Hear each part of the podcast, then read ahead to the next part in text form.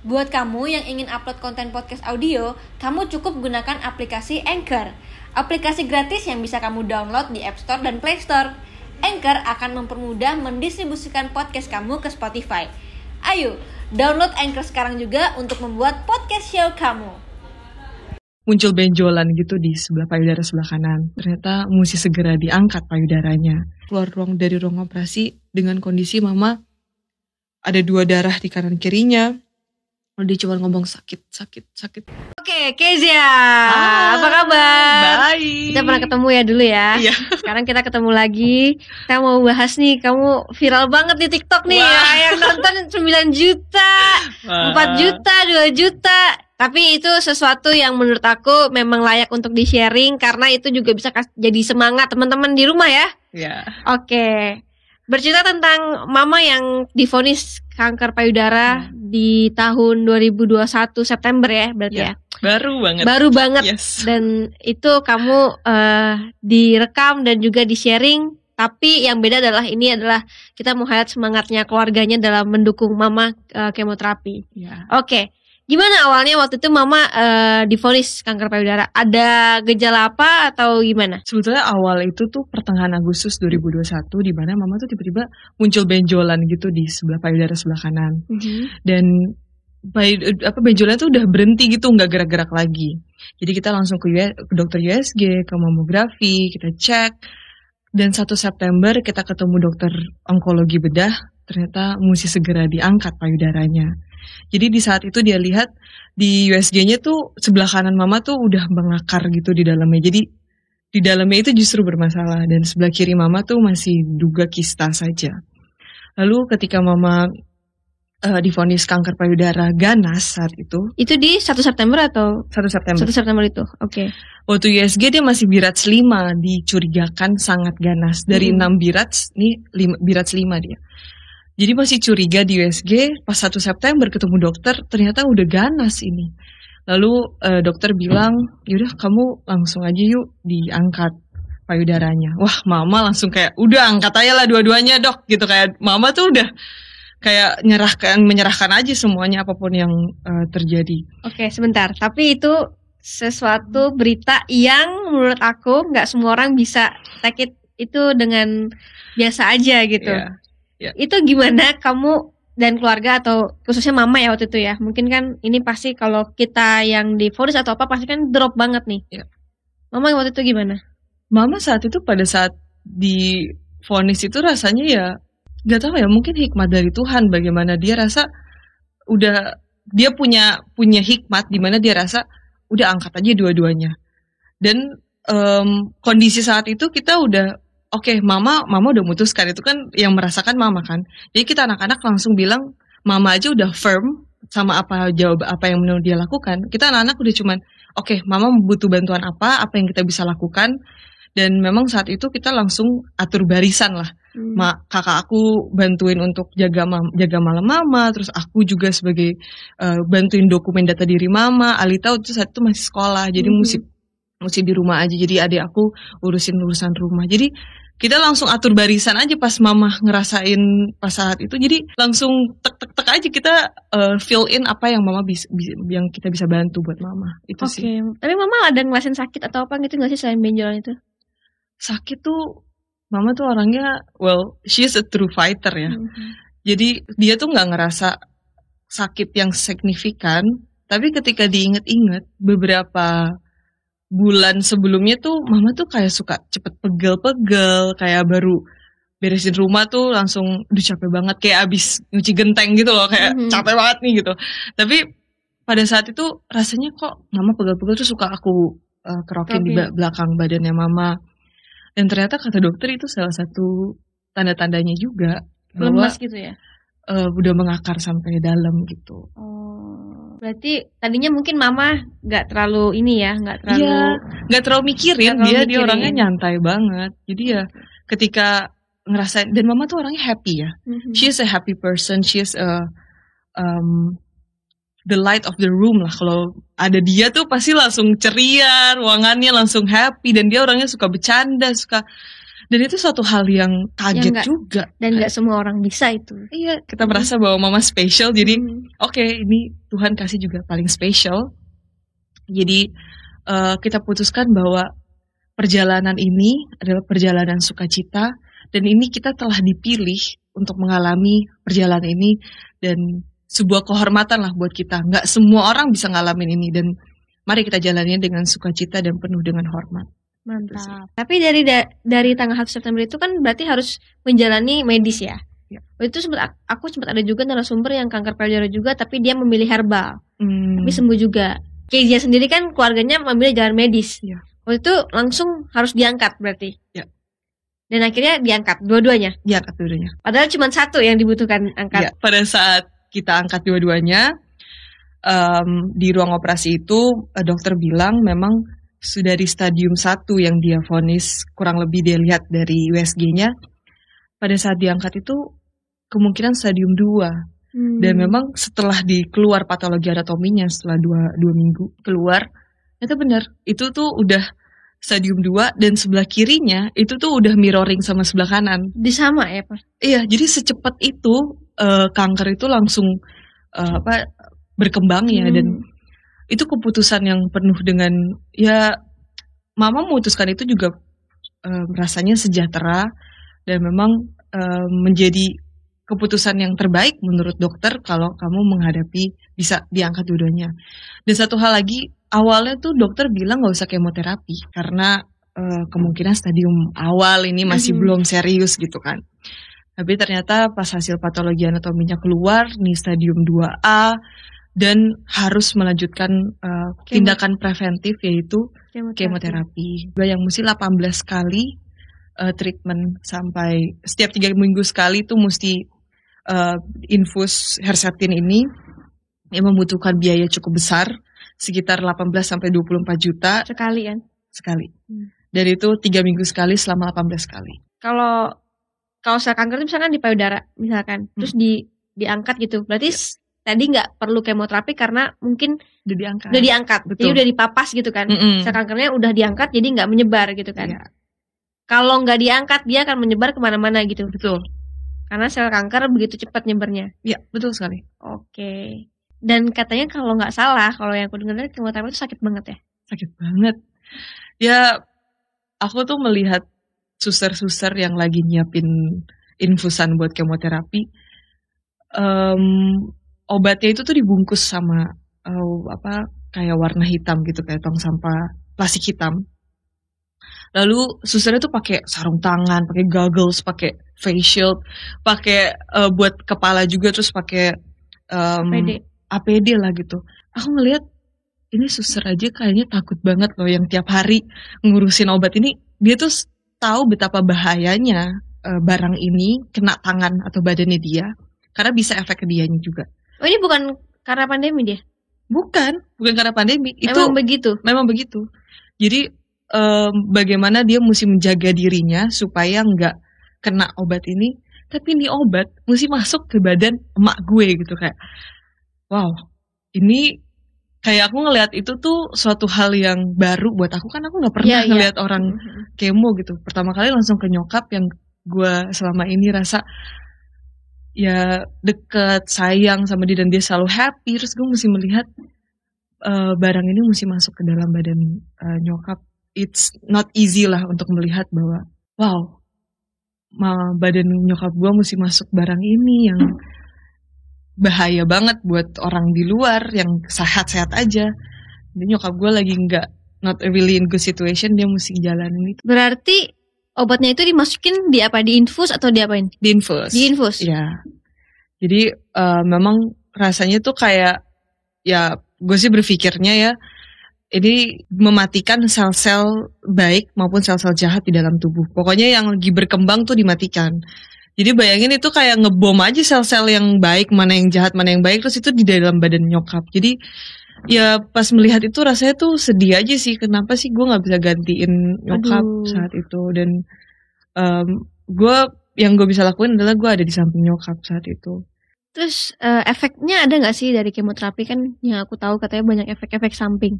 ada banget efeknya kayak nyeri-nyeri badannya hmm. terus perutnya juga nggak enak jadinya terus juga rambutnya rontok tuh obviously terus uh, ram apa kukunya jadi agak keabuan lalu kondisi nyokap itu kan habis operasi ya hmm. jadi ada rasa nyeri-nyeri juga di di sekitar jahitan termasuk di dalam jahitan-jahitan kayak waktu mama melahirkan kan waktu dulu mm -hmm. sesar kan jadi sekitar jahitan juga ada nyeri-nyeri di bagian-bagian yang uh, sensitif juga itu juga nyeri-nyeri okay. gitu. dan mama tetap happy-happy aja iya itu sih itu yang aku nggak pernah berhenti lihat ya mama tuh positif aja sama apa yang dialami sama mama dan dia merasa sukacita hati yang gembira tuh adalah obat satu-satunya dan dia dan aku bisa lihat itu di di dalam diri mama. Jadi dia menjalani setiap hal ini happy happy aja. Soalnya kan tuh sakit ya. Iya sakit banget. Uh -uh. Tapi aku lihat mama nggak banyak ngeluh sih. Itu yang aku lihat aku lihat di mama. Mama nggak banyak yang kayak, aduh sakit banget sakit banget gitu. Nggak dia lebih bisa kalau bisa tahan dia diem ya aku rasa juga di dalam kediaman itu dia berdoa untuk berserah iya, iya. Tuhan sih. Dan juga uh, support dari keluarga lah penting banget ya. Iya. Kan baru berapa anaknya? Tiga kita Cewek semua ya? Ada cowok, cowok. Oh cowok cewek cewek. Iya. Dan semuanya benar-benar uh, ngedukung mama ya? Yes kita dukung mama banget ya.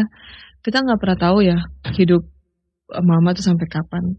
Ayo kita kasih kasih sayang kita, kita kasih perhatian kita, and that's apa yang apa yang diperlukan buat mama sih saat ini? Karena butuh dukungan tuh dan dukungan itu nggak selalu, selalu tentang uang ya.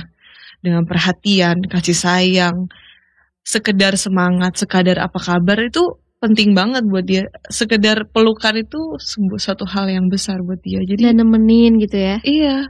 Jadi um, saat ini aku belajar banyak sih tentang um, tentang men, memberikan mengerti tentang artinya cinta, artinya uh, memberi tanpa mendapatkan balasan, memberikan kasih waktu, kasih perhatian itu it's more than than enough pada akhirnya.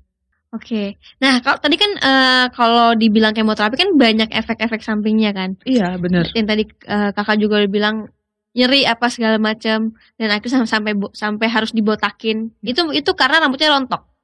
Iya, karena jadi tuh semua yang uh, berkembang di dalam tubuh, yang bertumbuh, pokoknya apa pun deh, uh, even kuku kan juga mm-hmm. tumbuh kan, terus rambut kita kan tumbuh. Nah itu dia matikan supaya misalkan kalau ada sel kanker di badan kita itu uh, lagi berkembang biak, jadi dimatikan gitu. Oh, jadi itu karena kemoterapinya, ya, obat betul. kemoterapinya. Betul, karena kemoterapinya.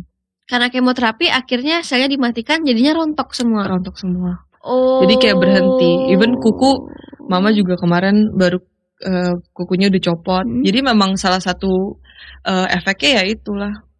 Oh, oke okay, oke. Okay. Alis, kumis. Kalau ya. cowok kumis semua. gitu ya. Sampai alis, sampai bulu mata juga copot semua ya. Oh, gitu. Ya. Dan akhirnya mama dicukur. Iya, dicukur. Dibotakin. Sebenarnya kejadian itu juga ya ketika lagi nyukur rambut, itu lagi hektik banget di rumah tuh uh, apa kamar belakang kita juga lagi banjir, terus juga kondisinya tuh lagi hujan lebat banget. Terus mama itu baru pulang dari rumah sakit. Mm-hmm. Uh, abis um, kemo, pasang kemoport di dalam badannya Apalagi tuh kemoport?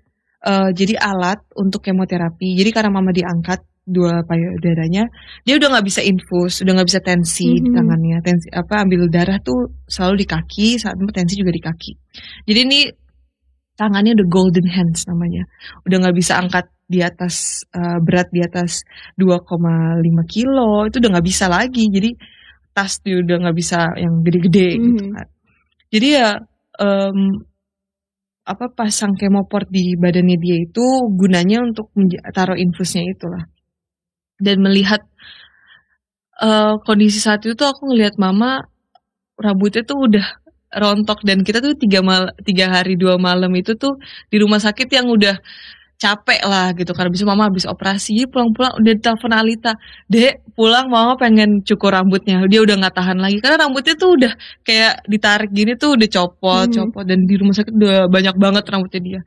Jadi udah tinggal setengah gitu loh rambutnya dia dan sisanya panjang-panjang. Jadi kayak dek mama tolong copot cukurin rambut mama ya uh, sampai rumah. Uh, kebetulan adik aku memang suka motong-motong rambut kita hmm. cewek-cewek dan cowok-cowok juga. Ya udah akhirnya uh, sampai rumah langsung siapin dicuk apa rambut mama dicukurin sama Alita dirapihin. Ya jadi saat itu aku lihat mama ya. Selama ini aku temenin mama uh, di waktu mama operasi lalu waktu mama mesti kehilangan payudaranya mesti melihat tiba-tiba keluar dari ruang operasi ada dua darah di kanan kirinya tuh darah kotornya. Terus aku mesti urusin mama setiap hari dan sebetulnya itu jadi kayak pengen banget gantiin mama. Pengen banget ada di posisi mama gantiin.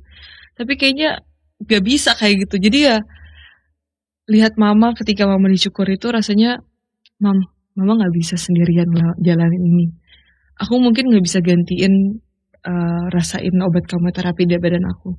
Tapi aku hanya bisa aku bisa rasain satu persen dari apa yang mama rasain. Jadi pas ngeliat mama tuh mesti nyukur kayak aku nggak mikir dua kali lagi. Aku langsung nyukur rambut aku dan Ber rasanya tuh amazing banget sih. Berarti di hari yang sama? Di hari yang sama. Pas abis mama cukur langsung cukur? Iya langsung cukur itu. Terus mama shock gak? Mama shock juga. Karena gak ada yang tahu kalau aku mau nyukur. Ya aku itu it's a spontaneous reflect aja sih ketika mama uh, mesti kehilangan rambut dan aku mesti lihat mama tiba-tiba botak. Ya aku langsung cukur dan memang mak apa rambut itu kan seperti mahkota ya buat perempuan ya. Mm.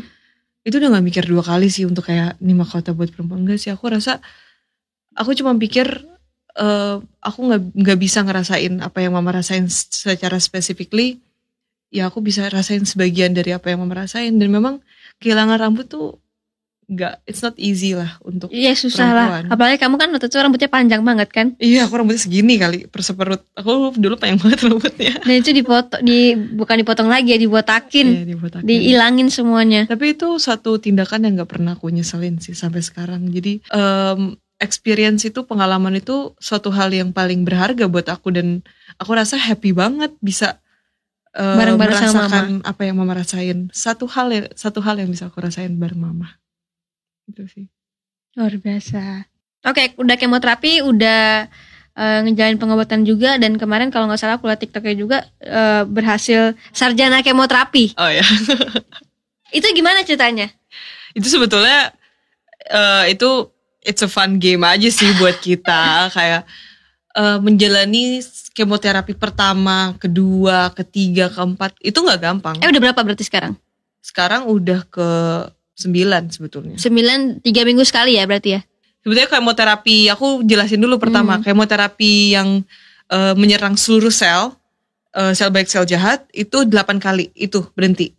Tapi pas untuk kemoterapi Herceptin atau targeted chemo itu uh, itu uh, 18 kali itu dan sekarang udah berjalan kelima. Berarti udah 8 plus 5? Iya. Itu sarjana kemoterapi itu tuh it's just a part apa kayak small win yang lima yang lap yang delapan iya yang delapan itu. Jadi itu oh. belum selesai perjalanan. Jadi kita kayak merasa kayaknya perjalanan mama ini kan it's very special for us. Mm. dan memang um, setiap selesai kemo tuh kita tuh selalu kayak aduh puji Tuhan mama selesai kemonya. Dan mama udah jalanin delapan kali kemo ini. Ini yang efeknya sampai kehilangan rambut ya, dan segala hal ya Nah itu udah selesai dan bersyukur mama masih sehat, masih kuat, masih bisa ketawa, mm-hmm. masih bisa berdiri, masih bisa aktivitas. Jadi I think dia uh, worth apa untuk mendapatkan uh, penghargaan seperti sarjana uh, kemoterapi. kemoterapi itu. Oke, berarti sekarang masih masih melakukan pengobatan lah ya? Masih pengobatan.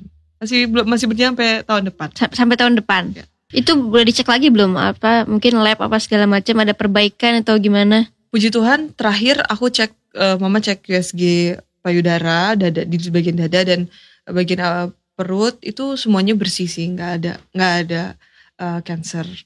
Jadi uh, saat ini mama masih jalani pengobatan sampai Herceptin ke-8 nanti. Hmm. uh, dokter sarankan untuk PET scan. PET scan itu untuk ngecek satu badan.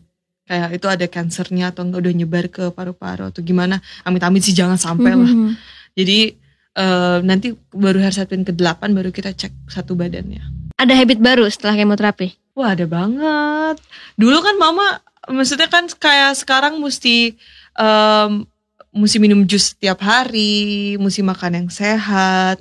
Makanan yang sehat tuh dalam arti clean eating ya, bukan yang kayak kotor-kotor lagi udah nggak boleh. Yang jajan-jajan yang enak itulah pokoknya di gerobakan tuh nggak udah nggak boleh. Jadi makanannya mesti yang bersih dan makanan rumah. Jadi makanannya ya habit yang paling signifikan itu sama kita juga anak-anak juga jadi lebih um, mengatur waktu kita sih memprioritaskan mama dalam setiap keputusan-keputusan yang kita lagi mesti putuskan seperti kayaknya mesti pergi ke, mm. apa jajan sama orang tapi tanya dulu apakah ada yang jaga mama di rumah jadi setiap uh, habit yang bisa kita jalanin hari-hari sekarang kita mesti prioritaskan mama dulu itu sih sebetulnya Oke, dari tadi kan ngobrol bahagia banget nih ya. Yeah. Terus di TikTok juga kita lihat uh, positif banget lah. Tapi pernah nggak sih ada momen di mana kalian tuh uh, ngerasa down banget? Um, masing-masing kayaknya punya uh, punya rasanya sendiri ya. Um, kakak punya sendiri, adik aku punya sendiri, mama pun punya. Tapi untuk aku pribadi pernah aku rasain itu. Ketika um, mama mesti diangkat kedua payudaranya saat itu tanggal 8 September, um, aku mesti menjaga mama sendirian karena kondisi COVID ini nggak boleh Mm-hmm. Pendamping tuh nggak boleh banyak-banyak, mesti mm-hmm. hanya satu dan itu mesti PCR, mesti ya. nggak yeah. boleh keluar rumah sakit dan segala hal gitu. Jadi mama nginep tiga hari dua malam. Uh, lalu di saat itu aku jaga mama di malam pertama, malam uh, di malam itu ya mama happy happy aja kan kayak oke okay, uh, kita berdoa, kita mengucap syukur, kita akan jalani ini. Lalu dia masuk ruang operasi, masuk ruang operasi, tiba-tiba keluar ruang dari ruang operasi dengan kondisi mama ada dua darah di kanan kirinya. Dia cuma ngomong sakit sakit sakit nggak enak badannya gitu. Terus dia naik ke atas aku yang jaga di situ dan aku mesti lihat mama kesakitan luar biasa. Dan itu rasanya aku kayak helpless banget sih rasanya mam aku pengen banget gantiin mama cuma pegangan doang sama mama. Di saat itu tuh ya mungkin itu di saat di mana aku merasa titik terendah aku ya bagaimana aku mesti melihat mama kesakitan. Mama sakit aku jadi ikutan sakit iya, gitu loh saat itu. Terus uh, apalagi aku kaget melihat ada tiba-tiba darah kotor di kanan kirinya mama. Um, terus aku juga mesti lihat mama kayak cuman terkapar aja sakit cuman ngomong sakit. Jadi uh, di situlah di mana aku merasakan benar-benar wow ini dahsyat banget sih. Tapi saat itu satu-satu hal satu-satunya yang bisa aku lakukan tuh cuma berdoa. Dan situ aku merasakan bagaimana indahnya uh, ketika kita berserah di situ ada kekuatan yang kita nggak bisa dapetin di mana-mana. Itu cuma bisa berdoa. Dan situ aku juga lihat um, indahnya perjalanan perjalanan kita di awal ini tuh aku benar-benar ngerasain pengalaman yang luar biasa yaitu pengharapan yang penuh di tengah ketidakpastian sukacita yang berlimpah ketika lagi sulit-sulitnya dan itu sukacita Tuhan kasih. Dan yang terakhir itu berkat yang sangat banyak yang kita rasakan di tengah jalan buntu. Jadi pengalaman itu tuh aku rasa kayak very precious dan aku bisa ngalamin itu bersama mama. Jadi rasanya uh, apa ya kamu kan tadi tanya titik terendah ya. Jadi rasanya di titik terendah itu aku rasanya kayak bounce back kayak Langsung diangkat sama Langsung Tuhan. diangkat lagi. Jadi happy banget dan aku mengalami pengalaman ini aku yakin gak pernah aku dapetin di sekolah, di universitas, di uh, di lingkungan sekolah, di lingkungan pekerjaan dan aku bersyukur banget bisa ngalamin ini bersama mama. Wow, luar biasa ya. Luar biasa ya, sekali lah. Tapi biasa. semua yang Tuhan kasihkan itu karena kita juga kuat. Ya. Karena Tuhan yakin kalau kita kuat, makanya dipilih sama Tuhan. Iya, iya betul. Mama sekarang gimana keadaannya? Baik, puji Tuhan lagi ya lagi dalam proses pengobatan juga kan. Jadi kondisinya baik-baik aja sih sekarang. Oke, katanya kita bisa video call juga sama tante nih. Iya. Gimana tantenya? Kita biar bisa coba aku telepon dulu ya. Mm -mm. Biar bisa ke bawah positifnya nih. ah. Halo tante. Halo. Wah, ketawa-tawa. Apa kabar Tante? Luar biasa. Tante, kenapa bahagia terus? Apa? Oh iya. Tante, apa yang apa yang bikin Tante bahagia terus? Yang bikin aku bahagia adalah sumber sukacitaku yang sejati kalau aku adalah Tuhan Yesus Eh. Tante tahu nggak ceritanya viral di TikTok? Sorry? Tante tahu nggak ceritanya viral di TikTok? Iya, puji Tuhan jadi viral padahal nggak sengaja. Kiranya yang kita kerjakan jadi berkat ya. Iya. Biar jadi berkat buat banyak orang, jadi banyak orang semangat juga. Ah, betul, betul. Cancer bukan musibah, kehilangan kerjaan bukan musibah, eh, kehilangan orang yang dicinta juga bukan musibah. Tuhan mau kasih hal yang lebih keren lagi dalam hidup kalian. Jadi Eh. semangat. Oke Tante, boleh terakhir kasih semangat buat pasien cancer lainnya yang lagi berjuang nih Tante. Ya, kan, hai semuanya. Kita adalah orang-orang pilihan Tuhan.